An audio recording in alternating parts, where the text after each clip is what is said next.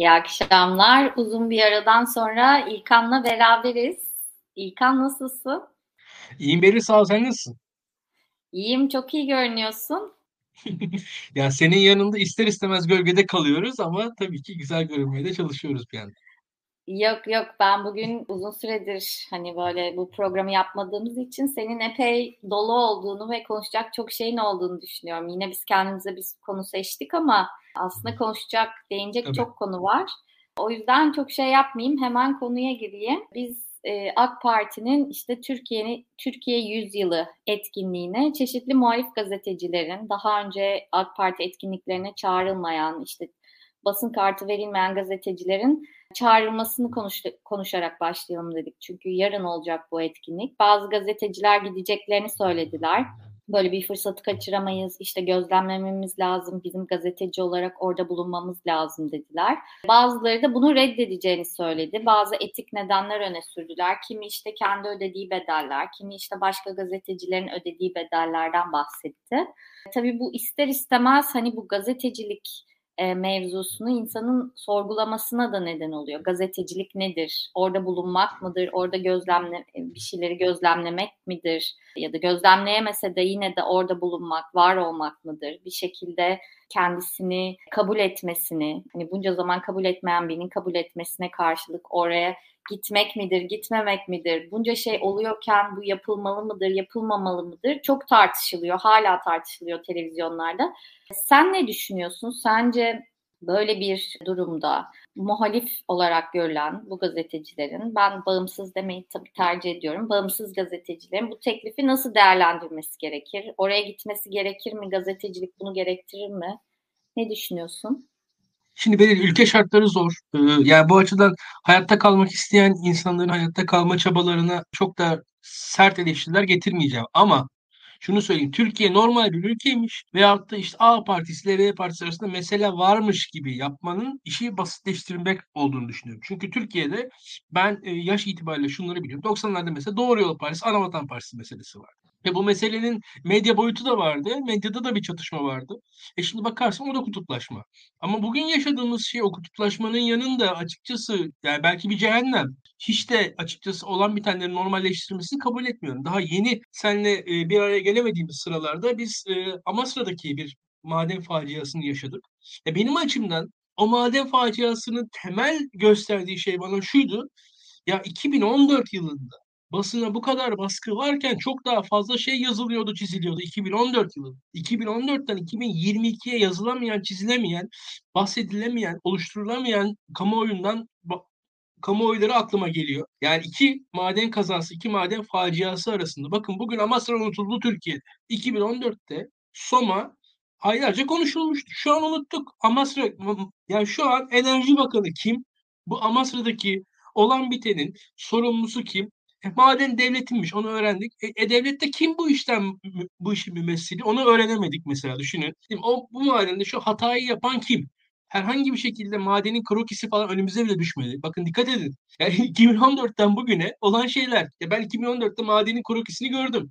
Ne, ne hata yapıldığı için madenin madende kaza yapıldığını biliyordum açıkçası. Nelerin e, eksik, nelerin yanlış, nelerin fazla yapıldığını 2014'te ben biliyordum. Bugün 2022 bilmiyorum. Bakın Türkiye'deki kamuoyunun geriye gidişi.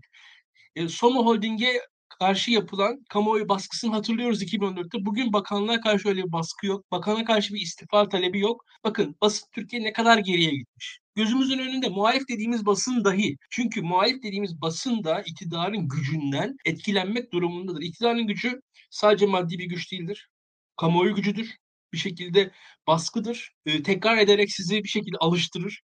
Siz onun normalini kabul etmek durumunda kalırsınız. Dur, ka- kabul etmeyeceğinizi zannedersiniz ama kabul edersiniz bir şekilde.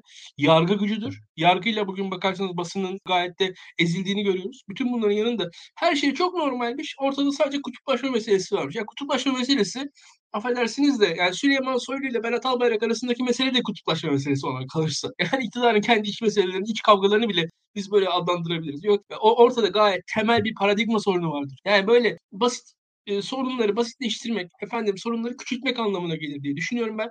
Asla bu işin böyle bir grup sert muhalifle yani e, bir bir grup sert muhalif, bir grup sert, sert iktidar yanlısı arasındaki mesele olduğunu düşünmüyorum. Olan biteni iki taraf arasındaki mesele halinde getirdiğiniz zaman yani biraz şey gibi oluyor. Ortada bir tecavüz var. Ya bu tecavüzcüyle tecavüz edilen, edilen arasındaki meseledir kardeşim diye eşit mesafeden bakılması gibi karşılıyorum ben olan bitenleri açıkçası bazı insanların yorumlarını. Nedense bir e, hadise de iki kutup olması, iki taraf olması, iki tarafın eşit olduğu anlamına gelmez. Yani bir işin iki boyutu olması, iki farklı yansıması olması, iki cephesi olması, yani bizim eşit e, olaylara yaklaşmamız gerektiği anlamına falan gelmez. İşte böyle bir şey yoktur. Türkiye şartlarında, Türkiye'nin maddi durumunun, e, maddi şartlarında herhangi bir kişiyi yaptığı işten dolayı özellikle gazetecilikten çok eleştirecek halim yok. Yani genelde orada eleştirilerimi saklı tutuyorum ama ya yok böyle gazetecilik yapıyoruz falan. Ya bana, bana komik geliyor açıkçası. Türkiye'de şu anda hiçbir şeyin anlamı yoktur. Nedir? Türkiye'de anlamı olan tek şey şu an sandıktır. Tek şey şu an iktidardır. Tek şey şu an güçtür. Anlamı olan tek şey budur. Anlamı olan tek şey güçtür. Bakın Sedat Peker'i 100 milyon kişi izledi. Neden? Güçlü diye. Türkiye'de bu kadar gazeteci var kimse izlemiyor. Niye? Çünkü güçsüz gazeteciler. Bu kadar açıktır. Olay sadece güçtür. Güç dışında hiçbir şeyin anlamı yoktur. Ne gazeteciliğin, ne avukatlığın, ne doktorluğun, ne akademisyenliğin hiçbirisinin anlamı kalmamıştır. Bu anlamların bittiği zamanlarda biz sadece hala ve gazeteciliğin anlamı varmış gibi kendi kendimizi kandırırsak sadece kendi kendimizi kandırmış oluruz. O yani ben hatta şöyle söyleyeyim samimi olarak yanlışlık yapsınlar daha iyi. Yani. Yoksa gazetecilik yapıyormuş falan bana komik geliyor bunlar. Gülüyorum. Neredeyse ağlıyorum neyse. Yani ben de tabii gazeteciliği sadece bu olay üzerinden değil bu Hakan Şükür meselesi işte Flu TV'ye davet edilmesi işte önce Oğuzhan Uğur'un davet etmesi sonra geri alması sonra işte İlker Canikli'nin davet etmesi o programa çıkması ve daha sonrasında işte gazetecilerle ilgili eleştirisi. Bence doğru bir eleştiri biliyor musun? Ben kendim de gazeteci olarak yani şöyle söyleyeyim. Tabii ki çok cesur, tuttuğunu koparan, işte hiçbir şeyden korkmayan gazeteciler var. Ama dürüst olanlar e, ve bu şekilde gazetecilik yapamayanlar kendi aralarında bazen işte söylüyorlar. Evet yani ben bu insanla röportaj yaptığımda ben bu röportajı nasıl ayarladığımdan tut, işte bu insanla anılmaktan, bu röportajla anılmaktan çekiniyorum diye bunu dürüst söyleyenler var. Bunu başka siyasi kalıplara sokarak e, şey yapanlar var ve mesela Hakan Şükür röportajını izledim.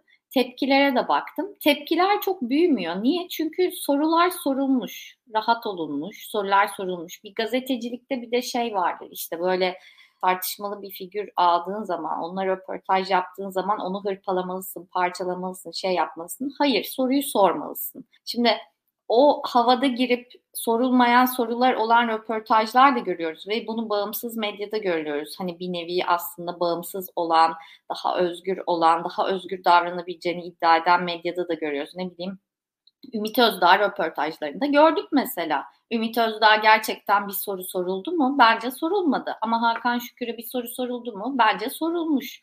Yani bizde gazeteciler olarak bu iklimin de etkisi var işte vesaire de var ama yani bunun da pan zehiri de gazetecilik yapmak sonuçta. Biz yani işte gazete kendimizi sürekli viktimize ederek işte şöyle oluyor böyle oluyor yani bu panzehir değil yani panzehiri de bizzat aslında o herkesin kafasında e, endişe uyandıran, belki zaman zaman korkması, korkmak da sorun değil ama gazetecilik yapmak ve bunu yaparken hakkını vererek yapmıyoruz diye düşünüyorum. Ne bileyim mesela işte geçmişte bazı gazeteciler, ünlü gazeteciler işte Güner Civaoğlu mesela Öcalan'la röportaj yaptı 90'larda. Hani Bilmiyorum ben bu iktidar ikliminden gazeteciliğin çok fazla etkilendiğini düşünüyorum. Kurumlar meselesini konuşmuştuk sen de. Türkiye'de işte kurumların e, işte alt üst edilmesi, hangi kurum ayakta, ayakta olan bir kurum var mı, hangisi diye. Ben e, şey de düşündüm. İlk yıkılan kurum hangisi? Eğer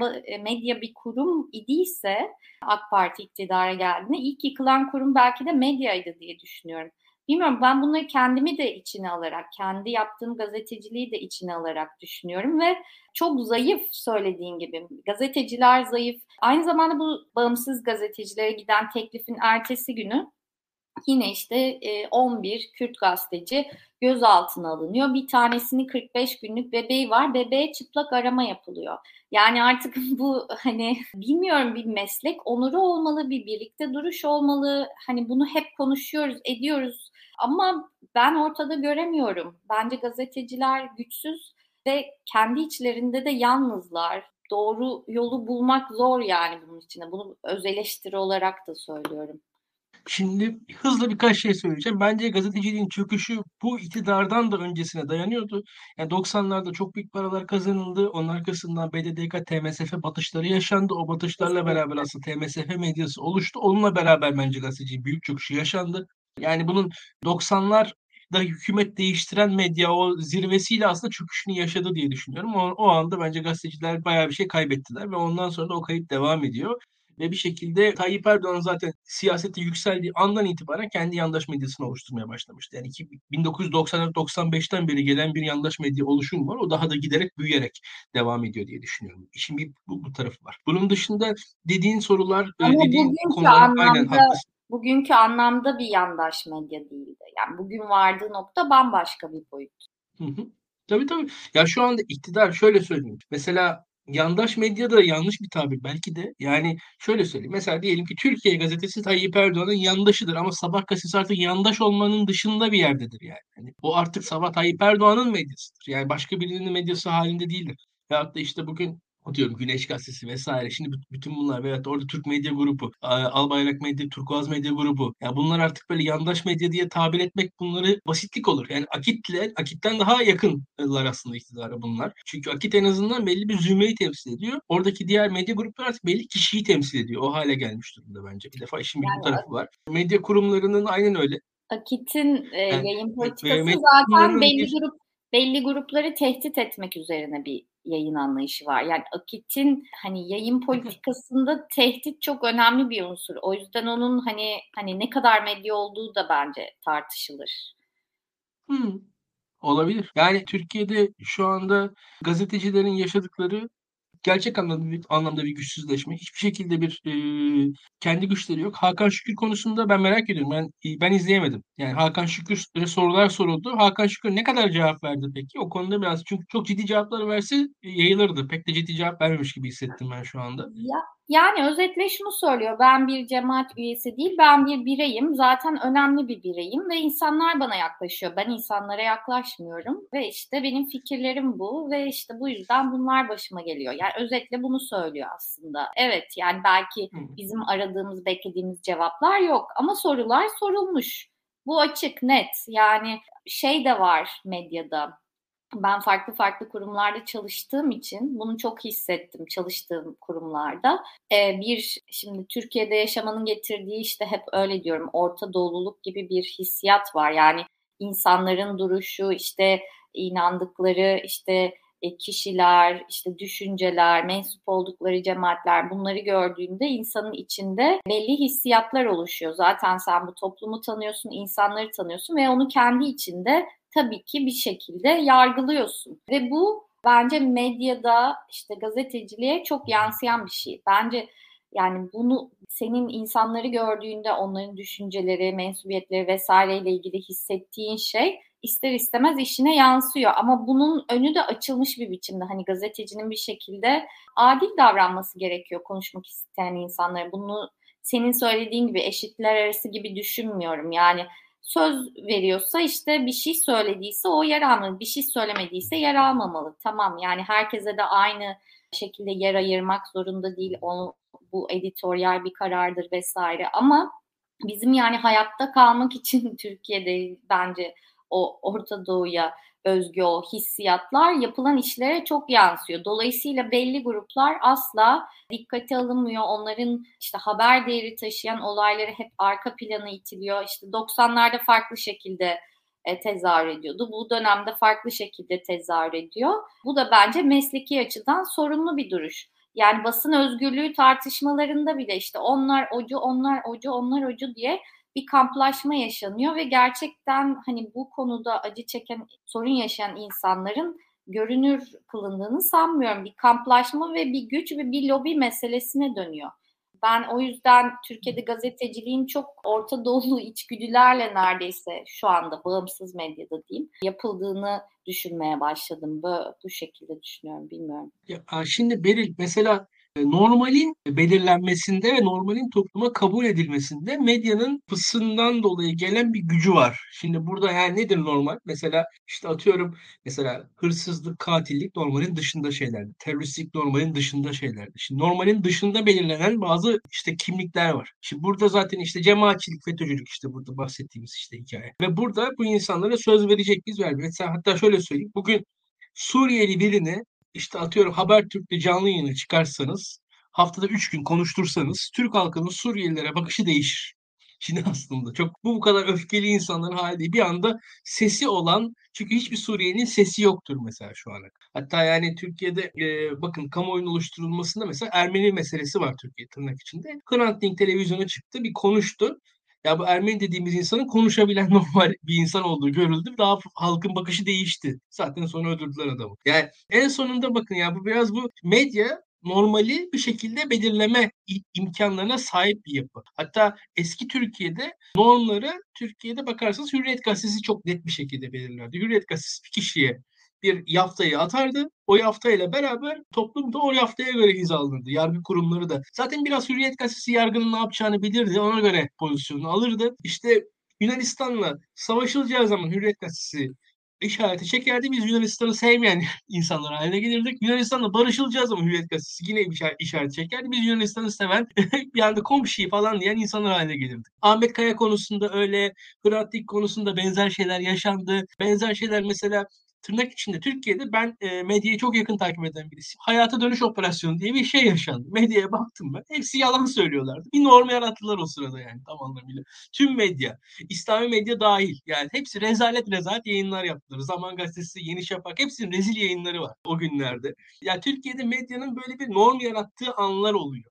Şimdi şu an Türkiye'de o normlara da normallara da medyanın merkezinin dışından challenge eden sızıntılar olur normal bakarsanız. Şimdi o normlara. İşte atıyorum Türkiye'de o e, cezaevlerindeki operasyonlara karşı işte Ahmet Kaya meselesinde, Hrant Dink meselesinde işte şu anda belki işte bu Fethullahçılar, KYK'lar falan filan FETÖ vesaire meselelerin acaba neler challenge edilebilir? Nereden tartışılabilir? Nereden mevcut normlar değiştirilebilir? Şimdi bizde şu anda iş çok şöyle bir durum var. Bir medya fazlasıyla devletin kontrolünde, devletleşmiş durumda. Medyanın kendi artık rolü orada azaldı. Devletin sinyallerine bakıyor. Çok kontrol dışı gibi gözüken ama aslında kontrol altında olan bir sosyal medya var. Şimdi İlker Can İktikiller falan filan oralarda bir sızıntı alanları olacak mı olmayacak mı diye gözükecek. Şimdi orada da mesela bakarsanız mesela Cüneyt Özdemir falan girmiyor o top. Oğuzhan Uğur girmiyor o. Görüyorsunuz yani. Orada belli normlar var. İşte atıyorum işte bir bakarsın biz de daktilo da girmeyiz şimdi. Böyle sosyal medyanın gücü, konvansiyonel medyanın dışında kalan medyanın mesela kendi gücünün ne kadar olduğu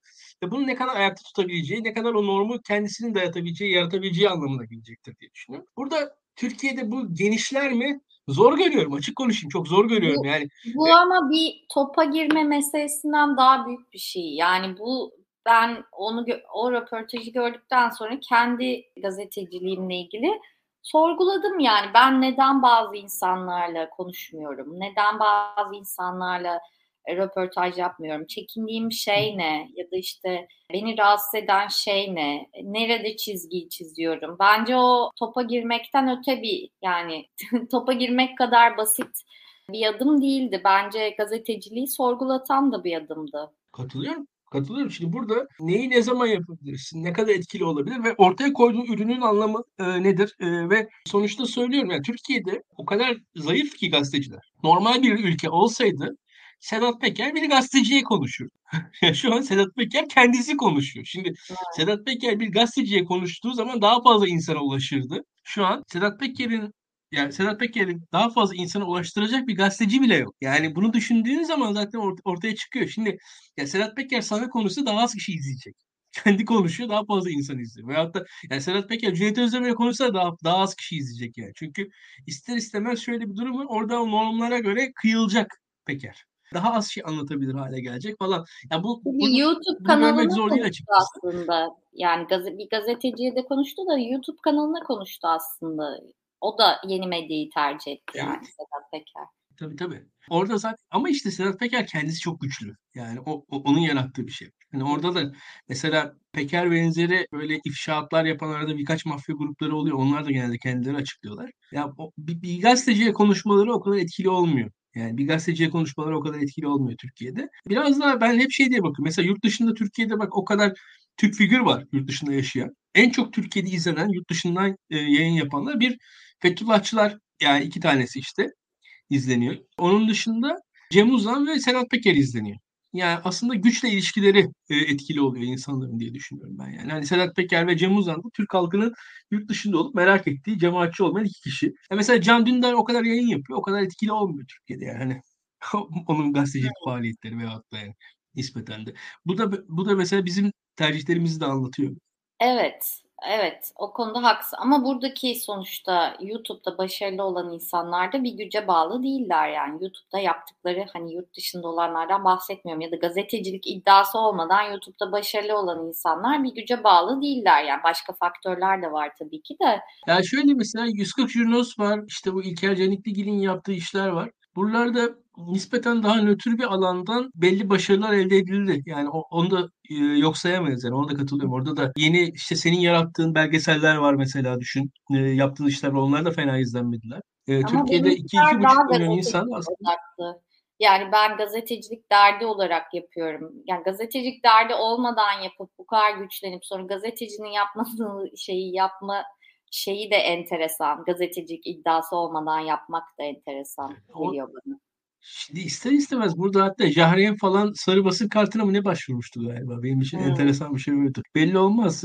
Bana da enteresan geliyor. Şimdi bize de bu Daktilo'nun kadar bir yönetici pozisyonunda olduğum için işte sen de biliyorsun. Ve gazetecilik röportajlarına, işte söyleşilerin araştırmalarına falan katılıyorum ister istemez. Biz de kendimizi pek orada görmüyoruz aslında. Biz kendimizi dünyada olan biteni yorumlayan insanlar olarak konumlamış durumdayız. Öyle bir Bizim burada aktif bir gazetecilik faaliyetimiz yok. Ha, dolaylı yoldan belli gazetecilik faaliyetleri yapmış olmak durumunda kalıyoruz ister istemez. Atıyorum İmamoğlu geliyor bize açıklamada bulunuyor. Bir gazetecilik faaliyeti oluyor öyle ya da böyle. Ama biz tabii daha dolaylı kenarında biz daha yorumcuyuz. Biz politik pozisyondayız yani. Biz politik olarak yorumluyoruz genelde daktiyalı işleri. Ve yarı akademik yarı politik yorumculuk gibi bir noktamız var. Çok da gazetecilik değil. Senin tabii bambaşka işlerin de var. Burada izleyiciler ne kadar takip ediyorlar bilmiyorum. Takip etsinler. Buradan tekrar hatırlatalım. Ha, bu arada yayınımızı da beğenmeyi paylaşmayı unutmayın arkadaşlar. Evet. Buradan şeye de değinmek istiyorum. Yani bu e, basında gördüğüm, yani gazetecilikte gördüğüm, bağımsız medyadan beklediğim, bulamadığım ya da yanlış gördüğüm şeyler tabii ki muhalefette yani çok sık karşılaştığımız şeyler. İşte Şebnem Korur Fincancı'nın işte e, bugün tutuklandı. Zaten tutuklanmadan önce hedef gösterilmişti. Şebnem Hoca zaten e, daha önce de 15 gün cezaevinde kalmıştı. E, sanırım darbe sonrası 2016'da. Duygularıyla hareket eden bir insan değil, bir bilim insanı. İşte Tabipler Birliği'nin başkanı, görevinin gereğini yerine getiren, ona uygun açıklamalar yapan bir bilim insanı. Şebnem Hoca zaten hani tanıyan tanır, işkenceyi belgeleyen, konuda davalar açılmasını sağlayan biri. Yine beklediğimiz tepkiyi muhalefetten göremedik. Hani yer yerin sonuçta Tabipler Birliği Başkanı tutuklanıyor.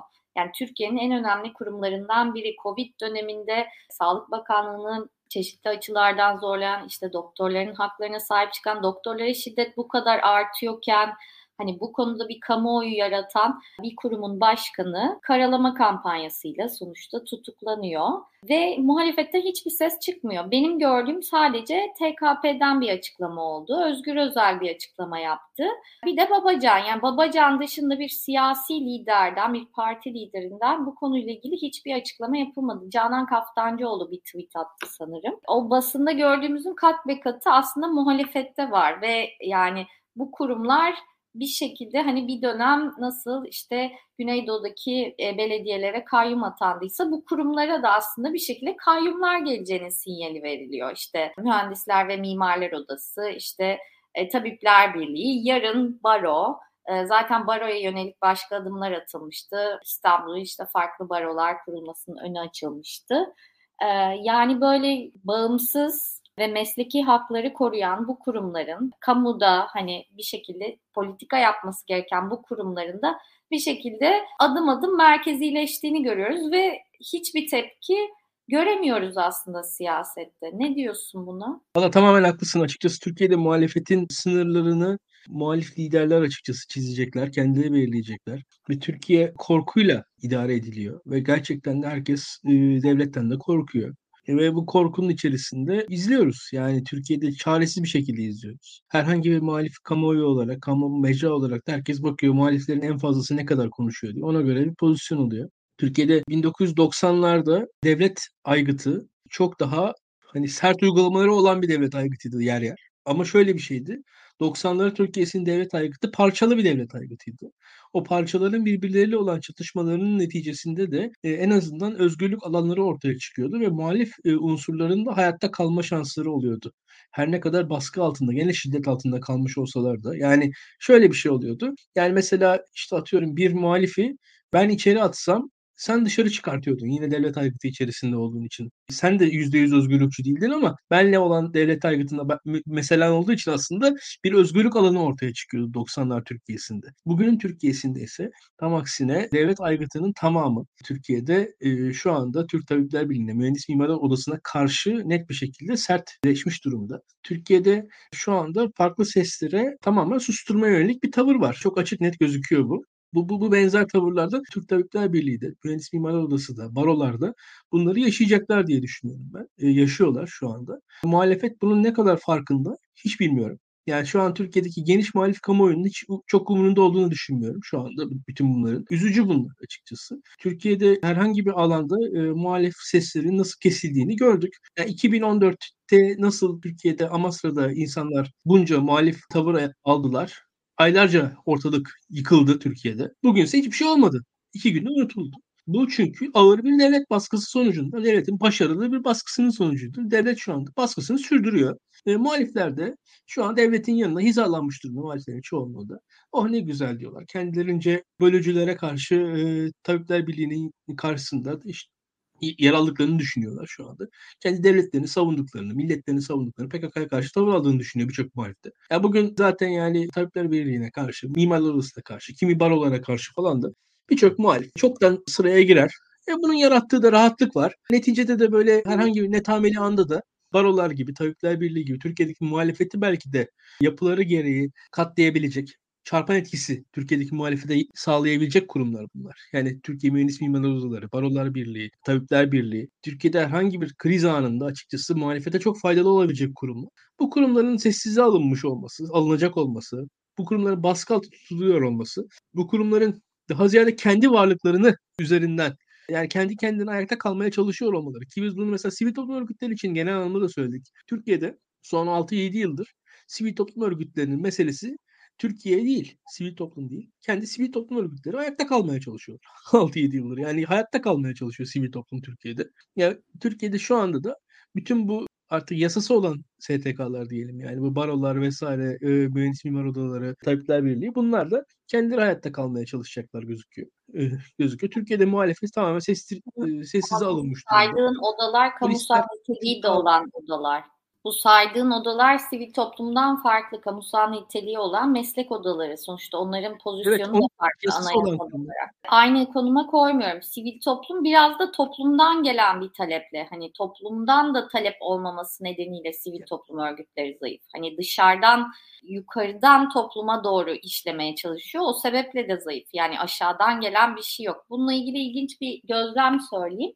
Ee, şöyle bir şey olmuş. Özellikle işte Güneydoğu'da işte doğuda bu kayyumlar sonrasında işte belediyelerin kayyumların yönetime geçmesinden sonra mesela toplumdan gelen taleple birlikte sivil toplum aslında daha güçlü bir hale gelmiş gibi bir gözlem paylaştı güvendiğim bir arkadaşım. O bana enteresan geldi. Çünkü önceden hani aslında toplumun ihtiyaç duyduğu şeyleri belediye karşılarken şimdi işte toplumun ihtiyaç duyduğu şeyleri belediye karşılamadığı için toplum bir şekilde sivil toplumu güçlendirmiş. Yani aşağıdan yukarı işlemesi gereken bir şey. Hmm. Ee, ilk başta söylediklerime Şebnem Hoca ile ilgili bir şey eklemek istiyorum. Şebnem Hoca benim başta bahsettiğim gibi hani hani belli içgüdülerle hareket etmeyen biri olduğu için ayrım yapmadan mesleğinin gereği neyse ona göre davranan, o objektiflikle, o işte profesyonellikle davranan biri olduğu için yer yer insanları rahatsız eden, kolayca profillenebilecek, işte özellikle işte muhalif partiler gözünde ya da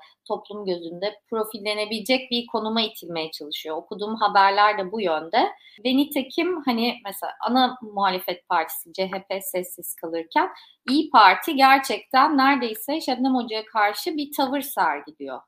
E, yani e, aslında Türkiye'de bu şekilde bir tavır sergilemek de hani gerçekten profesyonelce mesleğinin hakkını e, hakkını vererek gereğini yerine getirerek yapmak, bunu cesurca yapmak da aslında insanı yalnızlaştıran bir durum ve onun özelinde de bunu görüyoruz. Sen o tepkilere ne diyorsun? Onu da merak ediyorum. Yani İyi Parti'nin sert tepkileri oldu Şebnem Hoca'nın açıklamalarıyla ilgili. Bu kimyasal silah kullanıldığı iddiaları araştırılmalı açıklamalarıyla ilgili. İyi Parti ile muhalefet arasındaki genel senkron kaybının neticesi bunlar. Ve İyi Parti'nin de kendince bir muhalif çizgisi var. İyi Parti HDP'den ciddi anlamda rahatsız durumda. HDP'nin siyasetinden de rahatsız oluyor İyi Parti. HDP ile beraber alınmaktan da rahatsız oluyor ve İyi Parti ile HDP'nin birlikteliği sürdürülebilir birliktelik değil. Zaten biz bunun sorunlarını yaşıyoruz. Burada aslında İyi Parti ile böyle netameli konular arasında HDP'yi bir kenara alarak belli ilkeler bazında bir birliktelik veyahut da ayrılıklar uygulanabilir ve öyle bir normlar üzerinden iletişim kurulabilirdi diye düşünüyorum. Kurulamıyor şu anda. İyi Parti'nin en azından kendince bir siyaset alanı var. Şu an Tayyip Erdoğan tarafından, Devlet Bahçeli tarafından yerli milli olarak kabul ediliyor İyi Parti. Hala da öyle tavır alıyor diye düşünüyorum ben. Çok da İyi Parti'den de fazla bir beklentim yok benim yani açıkça söylemek gerekirse. İyi Parti'nin içerisinde tek tek bakarsanız Şebnem Hanım'ın tavrına karşı en azından daha olumlu sözler söyleyebilecek insanlar var. Ama onlar da şu an konuşamazlar. Konuştukları anda zaten İyi Parti içerisindeki geniş kitleler tarafından linç edilirler. Partide kenara bırakırlar diye düşünüyorum. İyi Parti'nin o açıdan özgürlükçü bir şey alan içerisinde hareket etme şansının olacağını düşünmüyorum. Türkiye'de bizim en azından şunu görüyoruz. Terörle mücadele ve güvenlik meseleleri Türkiye'nin siyasetini e, tam anlamıyla çizmeye devam edecek. Bu konularda İyi Parti fazla bir tavır almak istemiyor. Kendi siyaset alanı var. Bu siyaset alanı işte %10-15 belki 20'ye kadarlık bir alanda İyi Parti kendisinin bir alanı olduğunu düşünüyor. %50'ler, 51'ler, 55'lerin siyasetini pek İyi Parti yapamıyor. Yapmaya da niyeti yok gibi diye düşünüyorum ben. O zaman yapmaya başladığı zaman belli bir Kürt oyuna ulaşacaktır İyi Parti. Ulaşması gerekir en azından. O, o siyasete girmiyor. Aday olarak kendisi bir aday çıkartamıyor. Çıkartmayacak. Cumhurbaşkanı adayı falan gözüken o. E, fakat çıkacak adayı e, belirleyen, çıkacak adaya belli şeyleri, fikirleri, projeleri, programları, söylemleri dayatan bir noktada kendini konumluyor İyi Parti. Şu anda bütün bunlar da bununla paralel diye düşünüyorum. Bu aldığı tavırlarda ve almadığı tavırlarda. İyi Parti sonrasında Cumhuriyet Halk Partisi aslında burada kendince bir alan kendisi kullanabilir. Fakat burada Özgür Özel'in tavrı enteresandı. Özgür Özel'in tavrından bir şeyler çıkabilirdi. Çünkü Canan Hanım'la Şebnem Hoca'nın arası iyi yani onu biliyoruz biz. Onlar meslektaşlar zaten. Yani hani onların adli tıp üzerinden bir e, ilişkileri de var. Esas ama Özgür Özel'in kendisinin tavrını ben merak ediyorum. Oradan bir şey çıkabilirdi. Ve Türkiye'de şöyle bir durum var. Hani herkesi her şekilde böyle gözaltına alıyorsunuz, tutukluyorsunuz kim oluyorsunuz, ne oluyorsunuz? Yani hakikaten bu bu e, bu pervasızlığın bir son bulması gerekiyor diye düşünüyorum. Ve bu pervasızlığa da yüksek perdeden, yüksek volümden tepkilerin gelmesi gerek. O açıdan çok haklısın. Yani Türkiye'de herhangi birimiz herhangi bir anda tutuklanabiliriz. Bakarsan gözaltına alınabiliriz. Sebep yok. Neden yok? İşte şu anda Türkiye'de düşünürseniz kimler kimler tutuklanmadan ne, ne suçlarla yaşıyorlar hiçbir şekilde e, ne gözaltı ne tutuklama falan görmeden Türkiye'de e, Tabipler Birliği Başkanı tutukluyorlar, e, gözaltına alıyorlar. Bütün bunlar aslında bir pervasızlığın, bir gücün göstergesi. Türkiye'de 90'larda gene farklı çizgilerde değildi Türk Tabipler Birliği'nin başındaki kişiler. 90'larda da muhalif açıklamalar yaptılar. 90'larda da gayet sert açıklamalar yaptılar. Bu hayatı dönüş operasyonlarında falan çok sert açıklamaları o zaman da oldu Tabipler Birliği'ne baktığınız zaman. Ama hiçbir zaman o zamanki devlet en azından kendisinde Tabipler Birliği Başkanı'nı e, cezaevine atacak gücü görmedi. Bu pervasızlığın sebebini asıl e, ben biraz odaklanıyorum açıkçası. Yani 90'larda de, devlet daha demokrat mıydı? Değildi. Ama bu kadar yeknesak değildi. Şu an devlet çok yeknesak ve yani 90'larda siz içeri atsanız içeriden dışarı çıkartacak bir hakim bulunurdu. Yani 90'larda Tabipler Birliği Başkanı'nı cezaevinden dışarı çıkartacak bir hakimimiz olurdu bizim. Şu an öyle bir hakim yargıda yok. HSYK'ya rağmen Türkiye'de 90'larda 90'ların nispeten belki de faşist HSYK'larına rağmen bir hakim öyle içeri atılan birini dışarı çıkartırdı diye düşünüyorum. Ki şöyle söyleyeyim az çok Türkiye'deki yargıyı biliyorum ben. Mesela 90'larda mesela Melik Gökçe'yi de bir ara hapse atıyorlardı. Melik Gökçe'yi de hapse atıyorlardı. İşte Süleyman Demir araya girerdi. Şu olurdu bu olurdu. Melik Gökçe hapisten kurtulurdu mesela. İşte anlatabiliyor muyum? 90'ların Türkiye'sinde. Deniz Baykal'la Melik Gökçek arasındaki ilişki falan bile işlerdi. Veyahut da şunu hatırlayalım. En son Türkiye'de biz öyle cezaevinden kurtulan işte Ruşen Çakır'ı biliyoruz. Abdullah Gül'le olan teması vesilesiyle işte Ali Bayramoğlu'ndan duyuyor tutuklanacağını. Abdullah Gül'e iletiyor. Abdullah Gül oradan yargıya kızıyor falan filan böyle bir şekilde o Balyoz Ergenekon zamanlarında Nedim Şenerlerle beraber, e, Ahmet Şıklar'la beraber Ruşen Çakır da içeri alacaktı cemaatçiler. O bir şekilde kendisi kurtuluyor. Şu an öyle bir kurtulma opsiyonu bile yok. Çünkü o yeknesaklık o kadar kuvvetlenmiş ki. Bak düşün yani hani Balyoz Ergenekon zamanında bile en azından birileri o gülmül üzerinden kurtuluş en azından bir hani bir bir alan arıyorlar kendilerine. Buluyor, bulan bulabiliyor, bulamayan bulamıyor. Ama şu an o haleyiz ki o bile kalmadı. Bakın o nelere muhtaç olduğumuzu düşünüyorum ben şu anki iktidarda 2-3 yıl öncesinde hatırla Osman Kavala'nın tahliyesi için işte Cumhurbaşkanlığı Yüksek Danışma Şurası falan vardı. Orada Arınç konuşuyordu falan. Eski meclis başkanlarıyla Tayyip Erdoğan konuşuyor. Bir grup meclis başkanı işte eski meclis başkanı Tayyip Erdoğan ikna eder mi falan diye umuyoruz. Ya şimdi o alanlara falan ihtiyacımız var. Hatta işte Abdülhamit Gül Adalet Bakanı iken onun üzerinden bir şeyler ulaşılır mı falan deniyordu. Sonrasında Bekir Bozdağ geldi artık o kanallar da kalk. Yani evet. elimizdeki kanalların yıkılışı, yok oluşu, güçsüzleşmemiz çok açık net gözüküyor.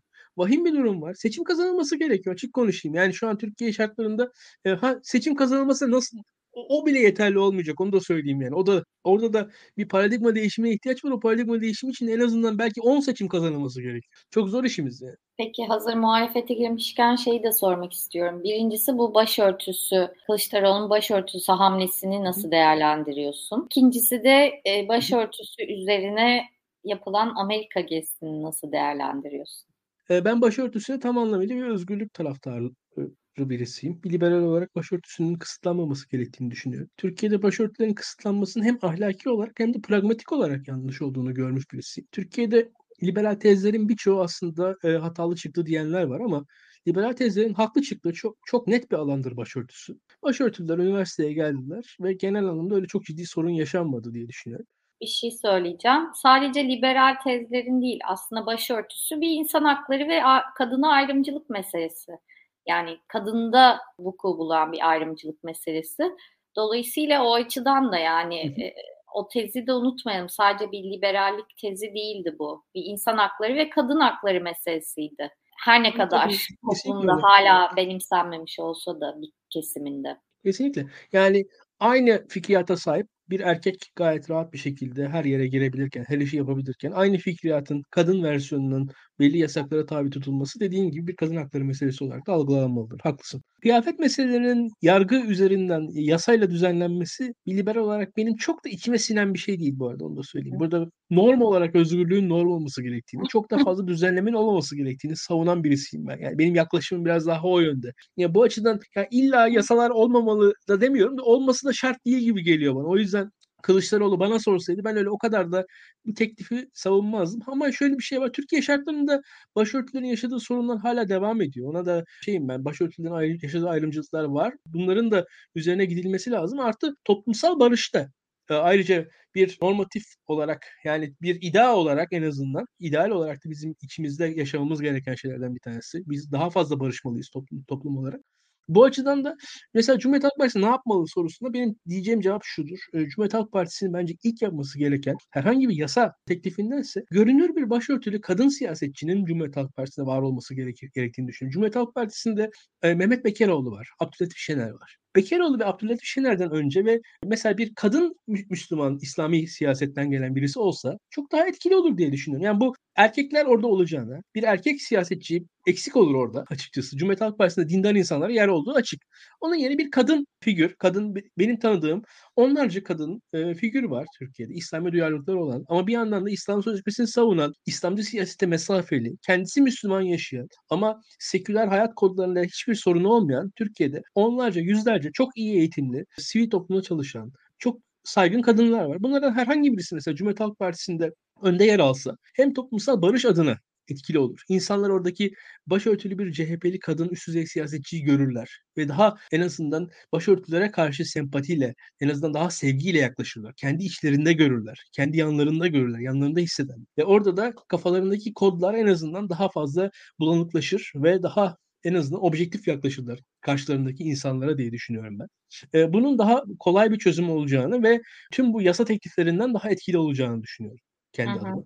Ha, o konuda şunu söyleyenler var. Kılıçdaroğlu'nun Tayyip Erdoğan'ın bu LGBT, aile falan filan anayasa değişikliğine dair bir ön alma çabası olduğunu söyleyenler var. Ha, öyle de olabilir. O açıdan çok yadırgamam. Türkiye'de siyaset böyle yapılıyor ne yazık ki. Yani Tayyip Erdoğan'ın saçma sapan anayasa değişikliği tekliflerini falan ne yazık ki karşı, karşı karşıya kalıyoruz böyle şeyler. Böyle saçmalıklarla.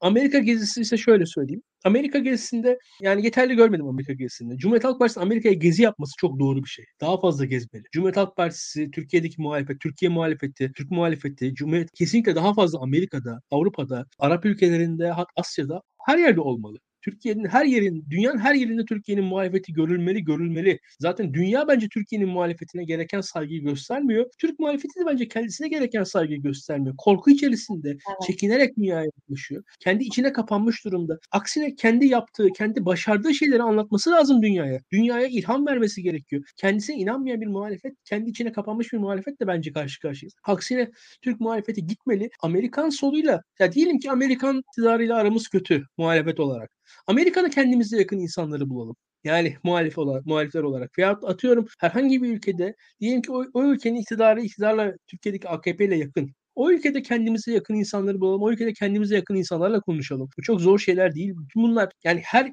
işbirliğiniz, her konuşmanız sizi zaten birinin vesayeti altına girmeniz anlamına gelmiyor. Çıkın konuşun, iletişim kurun, ilişki kurun. Bunlar illaki belli bir zaman içerisinde değer bulur diye düşünüyorum ben. İşte orada da biraz önce bahsettiğin iktidarın sonuçta oluşturduğu tahakkümün altına girme durumu söz konusu. Yani o tahakkümün içinde davranma ve karar verme ve hareket etme söz evet. konusu. Onu kırması gerekiyor muhalefet. Aynen öyle. Yani bu bu böyle yapılır, doğru budur deyip yapması gerekiyor. Evet evet yani ya Amerika'ya gitmekten niye utanıyor muhalefet veya Avrupa'ya gitmekten veya Mısır'a gitmekten veya Suriye'ye gitmekten? Şu an Türkiye'de Esad'la görüşmeye kalksa, Esad'la görüşmeye kalksa şu an Türkiye'de muhalefet kendi içinde karışır ortalık. Aa görüştün, görüşmedin şöyle böyle falan. Ama Tayyip Erdoğan görüşür, o görüşmesi devam eder. İktidar ne yaparsa yeni norm olarak Türkiye'de ortaya konuyor ve insanlar o norma göre hareket ediyorlar. İktidar Biden'la görüşemiyordu bir ara Tayyip Erdoğan hatırlarsın. O ara Biden'ın laf ettiği herkesi laf ediliyordu. Biden sanki muhalefetin yanındaymış gibi bir ara muhalefete vuruluyordu falan. Şimdi ise aslında pek de öyle olmadığı anlaşıldı. Şu an o, o muhabbetlerle Biden'la iktidar görüşebilir hale geldi. Ki Ukrayna Savaşı falan Tayyip Erdoğan'ın uluslararası itibarını nispeten dolaylı olarak arttırdı. E onunla beraber de biz bir anda tekrar Batı'yla da o kadar da arası kötü olmayan bir ülke haline geldik. Yani şu an Türkiye'de atıyorum Ukrayna Savaşı'nın olmadığı bir dünyada Tayyip Erdoğan dünyada daha unutulmuş, daha kenarda bırakılmış, nispeten daha üçüncü sınıf bir lider olacaktı. O zaman bir anda bakacaktık ana e, medya söylemleri daha böyle yerli milli falan söylenir. CHP daha böyle batının bilmem nesi falan denecekti. İnsanlar da onu kabul edeceklerdi. Bugün muhaliflerin kendileri bile Kılıçdaroğlu icazet almaya gidiyor diyorlar. Çok komik bunlar. Ya Kılıçdaroğlu gider icazet vermeye gider ya. Böyle bir şey yok. Bu siz ne diye korkutuyorsunuz? Ne diye kendi adamınızı kendiniz geriyorsunuz yani. Gidip Amerika'da ben bunu destekliyorum veriyorum dersin yani. Bak o kadar da geri, icazeti ben veriyorum dersin. Birazcık kendine güveniyor olsun Türkiye'nin muhalefetinin. Bu kadar korkaklık, bu kadar eziklik ben utanç verici buluyorum açık konuşayım. Ve Cumhuriyet Halk Partisi'nin kendi enerji politikası da olabilir. Kendi işte atıyorum kendi Kürt politikası da olabilir. Kendi tercihleri olabilir. Yani Türkiye'de belli e, ana konularda iktidardan farklılaşabilir bunlar. Bugün bakarsanız Almanya'da Yeşillerin belli politikaları var. O politikalara göre insanlarla konuşuyorlar e, Almanya'daki diğer iktidar partilerinden biraz farklı. Şimdi bu niye Türkiye'de olamıyor? Niye Türkiye'de olamıyor? İlla da böyle şey de anlamına gelmez yani gidip işte atıyorum işte Kürt devleti savunacağız, Türkiye bölünsün falan değil yani bu alakası yok. Gideceksiniz orada konuşacaksınız Amerika ile. Amerikan senatosunda da farklı farklı e, yapılar var, farklı farklı güçler var ve bizim e, Amerika ile tek konuşacağımız şey Tayyip Erdoğan'ın işte atıyorum F-16 pazarlığından ibaret midir yani? Ermeni meselesinden, Ermeni tezlerinden ibaret midir? 24 Nisan'dan ibaret midir? Yani biz iki tane farklı konu konuşamayacak mı Türkiye'de muhalefet? Yok. Ama yani o çok zayıf kalıyor. Almanya ile Tayyip Erdoğan 2015'te kurduğu ilişki sonucunda Türkiye'yi nasıl bir mülteci kampına çevirdiğini gördük. Muhalefet bunu kenarda izledi ne yazık ki. Çok bağırmadı, çok çağırmadı. Devlet politikası dendi, oturdu. en sonunda gene bunun sonucunda Türkiye'de liberallere, solculara falan bağırmaya, çağrılmaya başlandı. Çok komik bir şey. Yani Türkiye'de muhalefetin çok sert bir şekilde kendisinin dış politikaya girmesi lazım. Muhalifken girmesi lazım. İktidar Bakın e, yabancı ülkelerle kurduğu ilişkiler neticesinde Türkiye'de kendi medyasını bile yabancı ülkeler neredeyse finanse ettiriyor. Azerbaycan'la, Arap ülkeleriyle Türkiye'nin çok acayip ilişkileri, Rusya ile öyle. Rusya ile olan ilişkileri zaten iktidarın ne kadar derin olduğunu biliyoruz. Ee, bilmediğimiz ne ilişkiler daha var. Ee, bugün bakarsanız işte bize falan herkes diyor işte fon mon falan filan. Mesela şöyle bir durum var. Türkiye'de Türkiye'nin özellikle otoriter ülkelerle yaptığı ticaretin Türkiye'deki medyanın finansmanındaki etkisi ayrıca konuşulması gerekir. Mesela buradan söylüyorum. Türkiye'nin otoriter ülkelerle yaptığı ticaret için ticaretin Türkiye'nin medyasında çok ciddi etkisi var mesela. Hiç kimse evet. farkında bile değildir yani Türkiye'de. Bunun gibi çok şey var. Türkiye'de muhalefet böyle konulara girmiyor bile. Farkında bile değil insanlar. Herkes şey böyle bir, bir zaman yıllar önce öğrenilmiş işte Amerika'ya gitti icazet aldı. Amerika'nın öyle bir icazet verme gücü yok. Amerika'nın öyle bir icazet verme niyeti yok. Amerika'nın öyle bir icazet verme etkisi yok. Amerika Türkiye'de ki Cumhurbaşkanı falan Amerika seçmeyecek. Amerika becerebilse Venezuela'daki iktidarı değiştirir. Küba'daki iktidarı değiştirir. Amerika Venezuela'yı, Küba'yı dibindeki bunları değiştiremiyor. Türkiye'deki iktidar nereye değiştirecek? Biraz gerçekçi olun yani. Hani öyle bir Amerikan gücü de yok. Türkiye'deki iktidar Türkiye'deki muhalefet değiştirecek. Kendisine güvenen muhalefetler olması lazım birazcık da. Yani öyle Amerika düğmeye bastı bilmem ne oldu falan. Böyle bunlar basit hikayeler. Öyle öyle bir dünya yok. Öyle bir dünya yok. Amerika'da da öyle bir salak yoktur herhalde. Ki öyle çok da iktidar değiştirme falan şeyinde değillerdir, niyetinde değiller. Yarın Türkiye iktidar değişir. Onunla da beraber Amerika paşa paşa kuzu gibi gelir iş yapar. Yani yapacak bir şey budur yani o olup olacak o. Kendisini ezik gören, kendisini aşağılık gören zihniyetten Türk halkının, Türk muhalefetinin kurtulması gerekir. Peki süremizin sonuna geldik. Bir soru vardı aslında onu da sorayım da son. Ondan sonra kapatalım. Tabii. Fırat Bey sormuş. İyi Parti'nin kendi çizgisi var, kendi görüşleri var. Her konuda tüm muhalefetiyle aynı çizgide duracak diye bir kaide yok bence. Beklenen açıklama gelmeyince hemen bir tarafa itmeye gerek yok bence demiş. Ne diyorsun? Bir açıdan şimdi İyi Parti'nin bir mantığı var anlıyorum ama bizim şunu söylememiz lazım. Türkiye'de bir sözün yanlış olmasıyla bir sözün söylenebilir olması arasında da bir fark olması gerekir. Şimdi siz bir söze karşı olabilirsiniz. Ama o sözün söylenebilir olmasına yana taraftar olabilirsiniz bir yandan da. Sizin sadece yanında olduğunuz sözlerin söylenmesine mi taraftarsınız? Yoksa ya bırakın birileri bir lafları etsinler Türkiye. Hiçbir laf edilemeyen bir ülke mi? Yoksa bazı yanlış lafların da edilebildiği bir ülke mi? Türkiye as Türkiye hiç öyle her lafın edildiği falan bir ülke değil. Gerçekçi olalım. Türkiye öyle gayet de sınırlı lafın edilebildiği bir ülke. Türkiye öyle hiç kimsenin her lafı edebildiği bir ülke değil. O yüzden Türkiye'de bizim laf edebilme hakkımızın varlığının değerini bilmek lazım diye düşünüyorum ben. Yani birilerinin doğru, iyi, güzel normları olabilir. İyi Parti'nin de olabilir. Ama İyi Parti kendi doğru, iyi, güzel normlarına uyuyor diye başkalarının İyi Parti'den de bağımsız, daha da sert, iyi, doğru, güzel normlarını herkese dayatmasına seyirci kalmamalı bence. Çünkü bu norm dayatmasının sonucunda İyi Parti'nin kendisi de bir yerden sonra ciddi sıkıntı yaşar. Çünkü bakın İyi Parti'de mesela bir yandan şununla karşı karşıya kendi İstanbul İl Başkanı için FETÖ'cü deniyor gayet terörist deniyor İyi Partililer içinde. E, Meral Akşener'e en büyük küfürleri bu iktidar ediyor. Yani bugün bakarsanız İyi Parti'nin de iş eğer güvenlik meselesine kal, kalırsa çok daha başka hikayeler çıkar diye düşünüyorum. Bütün bunlar e, bizim karşımızda, bütün bunlar bizim karşımızda e, şey yaratıyor. Yani bu normlarımızın bir şeyler söylenebilir olması lazım ülkede. Yani kimse hiçbir şey söyleyemez halde şu an Türkiye'de diye düşünüyorum ben. İktidar gayet de muhalefeti belli sınırlar içerisinde tutabiliyor, tutabildiği kadar. Durum böyle. Peki İlkan ağzına sağlık. İzleyicilerimize de çok teşekkür ederiz. Haftaya görüşürüz öyleyse. Hoşçakalın.